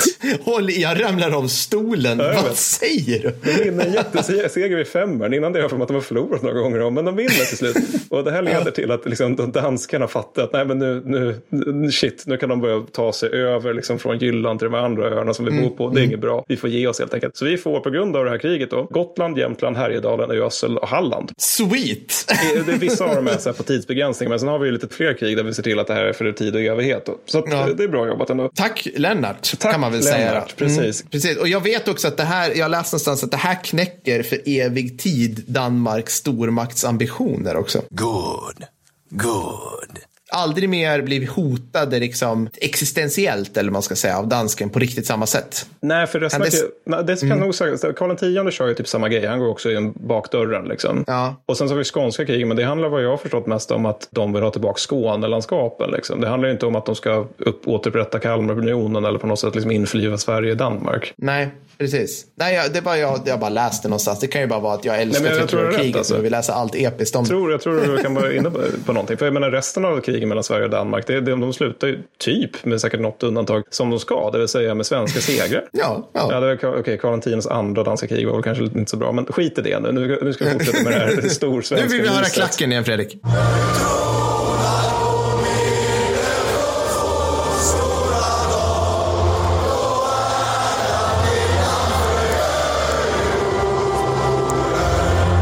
Bra, nu är vi på rätt spår igen. Okej, så Lelle har i princip säkrat hela det svenska stormaktsväldet själv med 16 000 be- För tid och berusade luffare. Ja, för tid och evighet. Ja, och här någonstans pikar väl Sverige i storlek? Nej, fan, är Nej, det det är inte. senare? Det är Karl Ja. X tionde som, Ja, som just det, just det. Glömde det. är Mm. innan han bestämmer sig för att ge sig på Danmark igen. Men, Ja, nej, men, men så sen drar Lennart ner till, till, eh, till, till Sydtyskland igen. Han, liksom är uppe och liksom, han är uppe och säger hej i Danmark, drar ner till Sydtyskland igen. Liksom krossar någon kejserlige över Jankov 645, vilket är liksom Ja. fullkomlig vansinnighet. Det är liksom att vi lyckas trycka ner dem i någon sänka liksom, och så ställer man upp alla kanonerna kring Ja. den här sänkan och sen blir det jättetråkigt i den sänkan. Ja, jag, får jag bara ge, ge mig in på Janko? Vi har ju inte gått in så jävla mycket på slag till Fre- Fredriks och säkert andra stora förtret. Vi, vi vill prata om gubbar. Det här är gubbpodden. vi men, men Jankov, jag, jag kan säga alltså, det här är kul. Jag, alltså, jag klickade på den här jävla länken på måfå bara för att det var så otroligt många ärorika svenska slag. Och det här är alltså sex, ungefär 15 000 svenskar, nu säger jag svenskar då, men svenskar här är det mot 15 000 papister. Vi hade ungefär tre gånger så många kanoner. I alla andra liksom, ska jag säga, jämförbara arméer så skulle liksom, vi skulle kanske, vi borde ha vunnit men tagit rätt stora förluster. Här så tillfogar vi typ, alltså katolikerna en så här 8000, alltså de, de, de, de toppar så här 8000 man. Vi tappar typ så här 1500, men får tillbaka dem genom alla krigsfångar vi har tagit. som bara införliva, återinförlivas i den här armén. Så, nu är du svensk. Ja, men du, du, de bara, jajamän, det tar vi. Och allt det här bygger i, i princip på att liksom gång efter annan under slaget som håller på, jag tror det är typ två dygn, nej, det, det är ett dygn tror jag, Mattis. så säger den här generalen som jag inte har lagt på minnet för han är ingen vinnare som, eh, som Lelle är. så, så säger han typ så här, okej, vänta nu till min order och så, och där stack vänsterflygen iväg liksom med typ ett gäng så här 2000 spanska kavallerister eller något annat. Och, och så hela, hela stridsplanen havererade medan Lelle liksom har pli på sina soldater så att den här disciplinen kan vara bra. Återigen liksom. Det kan vara jävligt bra. Det kan vara jävligt bra. Så där återigen så här, ja, vi tillintetgjorde den, den kejserliga hären, Viankov. Den 37 gången. 37 gången och två veckor senare så har vi en ny kejserlig enorm här. Ja, för det, det är det här läget som man börjar, Lennart börjar närma sig Wien då. Och de gör det med att de mobiliserar var femte man i hela övre Österrike. Så ja, jo, det är ju det här. Ja. Men tråkigt, tråkigt nog så är det ju det. Ja, men, ja, disciplin var nog en bra sak. Men jag tänker Mm, också det faktum att, att Lennart anför ju till stor del veteranförband i det här läget. Och det, det måste ju också spelat en viss roll. Alltså. Ja, ja, såklart. Men oavsett, det, sen är det tråkigt nog slut för Lennarts del. Då. En dag vi sörjer alla. Det är inte så att han dör, utan det är bara det att hans gikt är så jävla jävlig det här laget. Han har varit igång i fem jävla år. Med, det måste bäras överallt med jättemycket gikt. Och nu får det vara bra, liksom. nu har vi inte en av de största segrarna under hela kriget. Det är liksom, Ja. den bayerska arméns kärna krossas. Och så då får han bara åka hem. Liksom. Den som tar över är Carl Gustav Wrangel och det här är den sista gubben. Yes. Ja, fan. Wrangel, han har inte lika mycket, för att han, han är inte med lika länge. Och det är han för övrigt sur över. Att Han han, inte får chansen att plundra och Ja, ja. våldta. Ja. Alltså, det, ja, det, det här är från ofredsår då, så jag vet inte, men Peter Englund är lite inne på att han eventuellt liksom aktivt försöker sabotera fredsförhandlingarna som pågår 647 för att han liksom inte hunnit bli snuskigt rik på kriget än, vilket är ju liksom man of the year verkligen. Så det är redan dött miljontals människor i det här kriget och jag måste ha miljontals pengar innan jag Ja. kan vara färdig med det här. Ja, men i alla fall, han, han börjar nästan omedelbart förhärja området kring Bådensjön, utnämner sig även till amiral av Bådensjön, vilket jag antar att han hade någon båt där. Det är nog den första och enda svenska generalen som har blivit amiral av Bådensjön. Väldigt mycket göring gjort av honom, måste jag säga. Extremt mycket som. bör- gör den. Och han lyckas också tvinga ut Bayern ur kriget, vilket är bra. Och Bayerna, de bryter stilleståndet nästan omedelbart. Hugger Ja. i ryggen. De brandskattas för en miljon riksdaler för besväret. Så så kan det Ja. gå. Sen då så är det liksom så här bara, när de, när, det ska tilläggas också flera gånger i det här kriget, det här är en av de gånger så är liksom också att fransmännen är med oss. Och när vi Mm, förhärjar mm. Bayern så är så fallet. Och, det är ju också naturligtvis för jävligt för de som bor i Bayern för att vi bränner ju naturligtvis allt. Och samtidigt så bayerska staten bara, nu ska vi praktisera brända jordens taktik. Och det blir ju liksom lite jobbigt för bönderna som bor där naturligtvis. Vi leker lite östfronten i Bayern. Ja, precis. precis. På Det är bara 1600-talet. liksom, exakt. Men sen så har jag för mig att han är den svenska härförare som utslag, kämpar krigets sista fältslag, eller i alla fall större fältslag, som är vid Sum, nu ska jag säga, Summarshausen, som är alltså 1648, det sista krigsåret. Och det är liksom, det blir mest så här ytterligare en kejserlig motgång, det är en moralisk knäck sådär, de har tjänat pengar längre. Men, och de fattar ju liksom att, det har de fattat ganska länge, att nu, nu, nu måste vi få slut på det här jävla kriget. Ja. Men innan man hinner med det där som Wrangel tycker är tråkigt med freden, då hinner svenskarna ändå plundra Prag Ja. innan krigsslutet. Ja, just det. Vilket också är helt sjukt. Vadå svensk trupp plundrar Prag? Alltså, hur, de gick dit sa vi. De gick. Vet du hur långt det är till Prag? Det är Jag åkte jättelångt. bussresa till Prag. Jag minns jag var så jävla full. Jag kommer inte ihåg så men det var fan långt. Det tog många timmar att åka på autobahn. Ja, precis. Autobahn gick. är för övrigt tyska och betyder Lennart går. Det är för övrigt, jag vet inte om ni vet det, men det är en liten faktiskt. Ja, men det är också ganska så tydligt att man är där, inte för att man har så strategiska syften med att ja, men Prag Nej. är en stor logistisk knutpunkt, utan nej, nej, nej, nej. Svenska officerare inle inleder hela belägring med att göra upp listor över vilka, var någonstans det bor rika människor i Prag. Och sen går man till dem och så tar man deras pengar. Och det är helt jävla sjukt. Men ja, nej, men så, så då, eh, Prag blir naturligtvis spiken i kistan liksom, sen när det är färdigt med hela kriget. Och bara som en lite kuriosa här så hittade jag vad folk fick i avgångsvederlag. Då. Det var svenska infanterister, givet att de inte var utskrivna bondeknektar. De fick då 12 riksdaler. Det, det var, man kunde köpa några, några kannor vin och några limpa för, tror jag. Det, det var inte jättemycket liksom. Men för sveda verk fick de 12 riksdaler. Kavallerister fick eh, 33 riksdaler. Wrangel fick 60 000 riksdaler.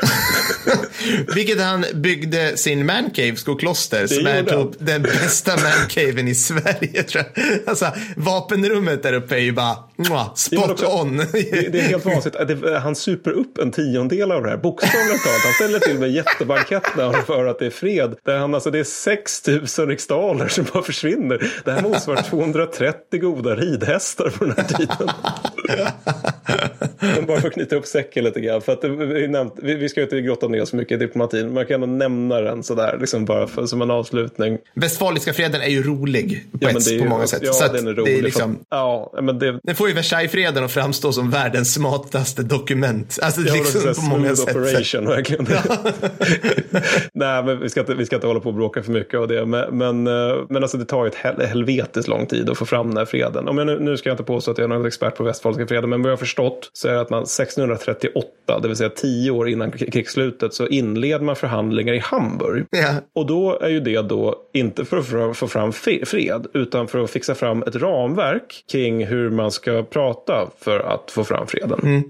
Sen håller man på att älta det här lite grann. Och sen, eh, när det har gått några år, liksom, då kan man faktiskt börja för, förhandla i Västfalen om det hela. Och allt det här tar ännu längre tid bara för att man är så här. Men om vi är katoliker och ni är protestanter, bör, måste vi ta hatt, av oss hatten för Ja. er? Ja, det Ja. tycker vi att vi måste. Ja, men kan vi eh, Och sen typ är saker i stil med, ja, men om vi, om vi är katoliker och ni är protestanter, om ni är svenskar och vi är fransmän och ni är österrikare. Alltså, ska vi ha stolarna på mattan eller ska, eller ska alla ha Ah. det? Eh, Alltså man måste hålla på med all, all den här ritualiser, eller alla ritualer som man liksom är helt besatta av i den här tiden. Men jag, jag tänker mig att det fungerar exakt så här nu fortfarande. Ja, det gör det säkert. Diplomatiska kretsar. Alltså, jag, Jag vill fatta så här när Donald och Kim Jong-Un skulle träffas. Rocket Man. Ja, men Alltså det gud. var väl den här grejen. Alltså det är, ja, men det är ju typ, alltså ah shit. Men sen är det väl också att det, kriget tar inte slut för att Sverige har typ inte råd att det ska ta slut. Nej, nej, men precis så. Alltså, grejen är att det, det fortsätter ytterligare sex månader för att vi vill ha 30 miljoner riksdaler för att betala av arméns backpay. Alltså det kostar en miljon i månaden att Alltså, jag försörja. älskar det. är, som, det är som att Sverige skulle bara, svenska armén bara, fan vi har för många semesterdagar och ödetimmar att pröjsa ut till soldaterna. vi invaderar. Bornholm och plundrar. det och sen det kräver vi danska staten på 30 mille för att åka därifrån. Att- Ja, men det är helt genialiskt. bra det gör ju att kriget fortsätter ju bara för att vi ska kunna betala av det. Vi har inte råd med fred.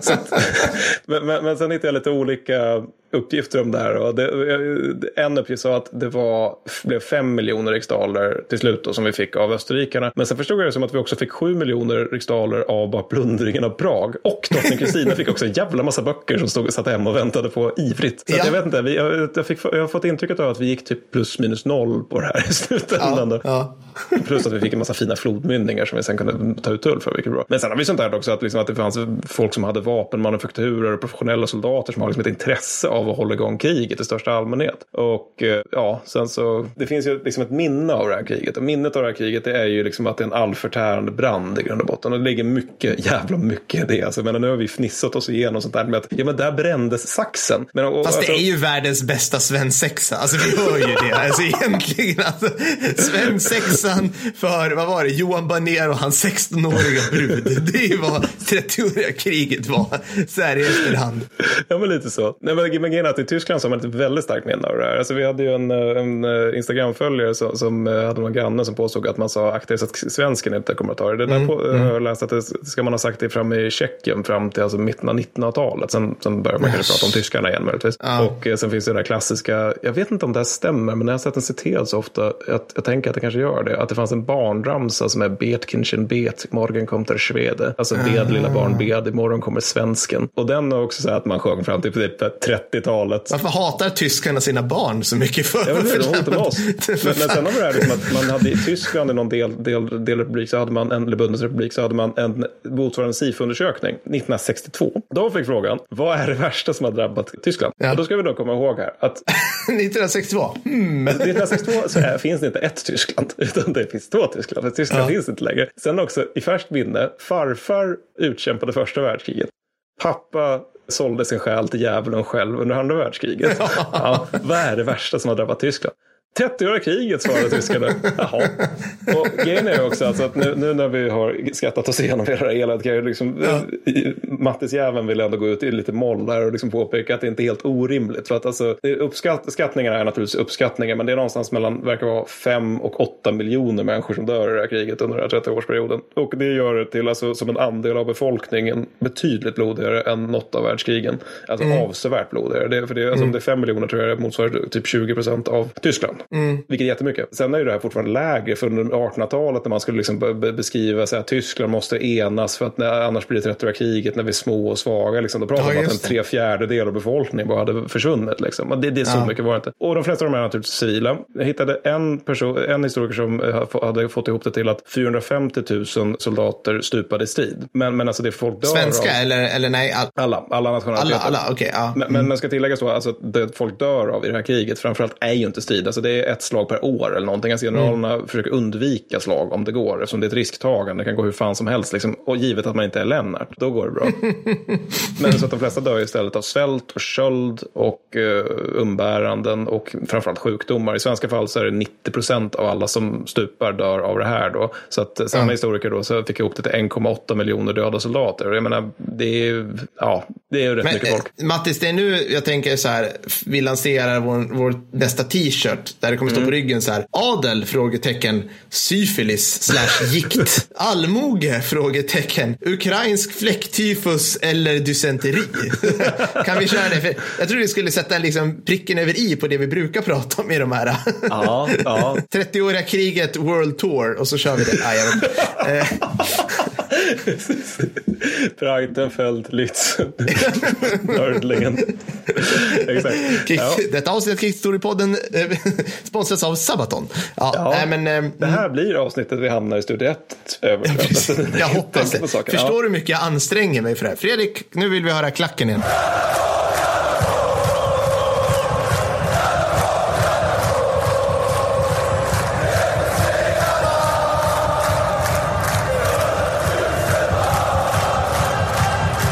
När vi har hört den klinga ut så hittar du också en uppskattning på att ungefär 100 000 soldater i svensk tjänst stupade. Oh! Men ja, så kan det gå. Vi fick flodmynningarna. Totally worth it. Nej, men jag tycker, ja, men det, är, det är svinmycket. Vi är alltså ett land på en och en halv miljon, 1,2 miljoner människor och 100 000 stycken med. Ja, fast sen, sen är det mycket många av dem som är skottar och så vidare. Men, men absolut. Men, sig, jag, hittade, jag hittade en uppgift om att eh, mellan 1621 och 1631 så är det 50 000 sven, alltså nationalsvenskar som dödas under krigen bara då. Så att jag vet inte, den här uppskattningen kanske är för svenskar, svenskar. Så. Ja. Det, det, det är väl lite rörigt med den här samma, alltså ta alla siffror som sägs här podden med en nypa salt. För att eh, i många fall är det dels att, eller framförallt egentligen, att, att eh, man är lite osäker. Alltså hur många Ja. bor det i Tyskland under den här tiden? Ja, men precis. Och sen lite från område till område också. Men, nej. Ja, fan, alltså vi skulle prata mer, vi skulle prata mer om Sverige egentligen. Åh, Sverige. Men det är just för att det är så jävla intressant, fan, det här pisslandet överlever. Jag menar, för två, tre avsnitt sen så fick jag ju prata om liksom Paraguay under trippelallianskriget som Ja. höll på på riktigt upplösas som land när de tog typ sådana här förluster, fast under kortare tid. Alltså det är otroligt att vi höll ihop i Ja, mångt och mycket. det är Liksom. verkligen. Ja, men också, det, det, det är också att vi verkligen, fan vi kanske borde ta stora nordiska kriget någon gång. För att man får ändå ge svenska stormakten det. Återigen, nu glömmer vi bort allt det här med lidande och så vidare. Man får ändå ge med, med att den verkligen gick ju, went out with a bang. Så. Ja. Alltså att liksom så här, jag får med att vi efter 30-årskriget byggde en triumfbåge i Stockholm. Men Mm. att den var ju liksom av typ trä och papper maché, liksom. alltså att den bokstavligt talat regnade bort. För att, för att den var bara där för tillfället. Liksom. Jag har för mig att det var 30-årskriget man gjorde det. Så att liksom redan där och redan det här med att liksom bönderna i stora delar av Sverige äter liksom ekollon och bark bara för att vi mobiliserar armén 1630. Det säger ju om hur jävla krassligt det här stormaktsväldet är. Men att man då liksom som det, liksom det krig där vi slutar vara stormakt ändå lyckas bara, ja men vi är ändå ganska nära på att spöa Danmark, ja det är ju inte så svårt, Dansk jävlar. Polen, Sachsen och Ryssland, liksom när vi är själva. Det är Ja. ändå go out with a bang lite grann. Ja, det är det verkligen. Kanske borde snacka lite om stora nordiska kriget. Vi kanske får krypa till korset och vara lite ohipstriga och prata om någonting som typ folk kan och vill höra. Nej, jag vet inte. Ja. Ja. Fast i så fall vill jag att vi kör innan Poltava. Så att det blir den här Ja. härliga öla-bröla-stämningen som vi har haft i det här Ja. avsnittet. Ja. Sen, nu vill jag höra klacken igen. jag, jag vill alltid höra och sen, klacken. 17, så avslutar vi. och sen 1708 så kapitulerade Peter den store. Karl XII åkte hem. Och sen var det... Sen var det häng i hans mancave med Johan Baners ättlingar, Lelle, Lelles ande. Jag ser lite framför mig som att det är slutet på så här Return of the Jedi, du vet att liksom så här Luke bara, mm, och så är det de här Force Ghosts som står där utav liksom Lennart Torstensson, Johan Baner, Wrangel och bara good. Liksom. Jag kan eventuellt photoshopa ihop den bilden. Vi får se. Åh, fy fan vad coolt. Nu har vi hållit på länge, Mattis. Kan vi ens publicera det avsnittet? Jag har ingen aning. Alltså det är, ja okej, Fredrik nickar, tack. Och se lycklig ut. Vet inte. Ja.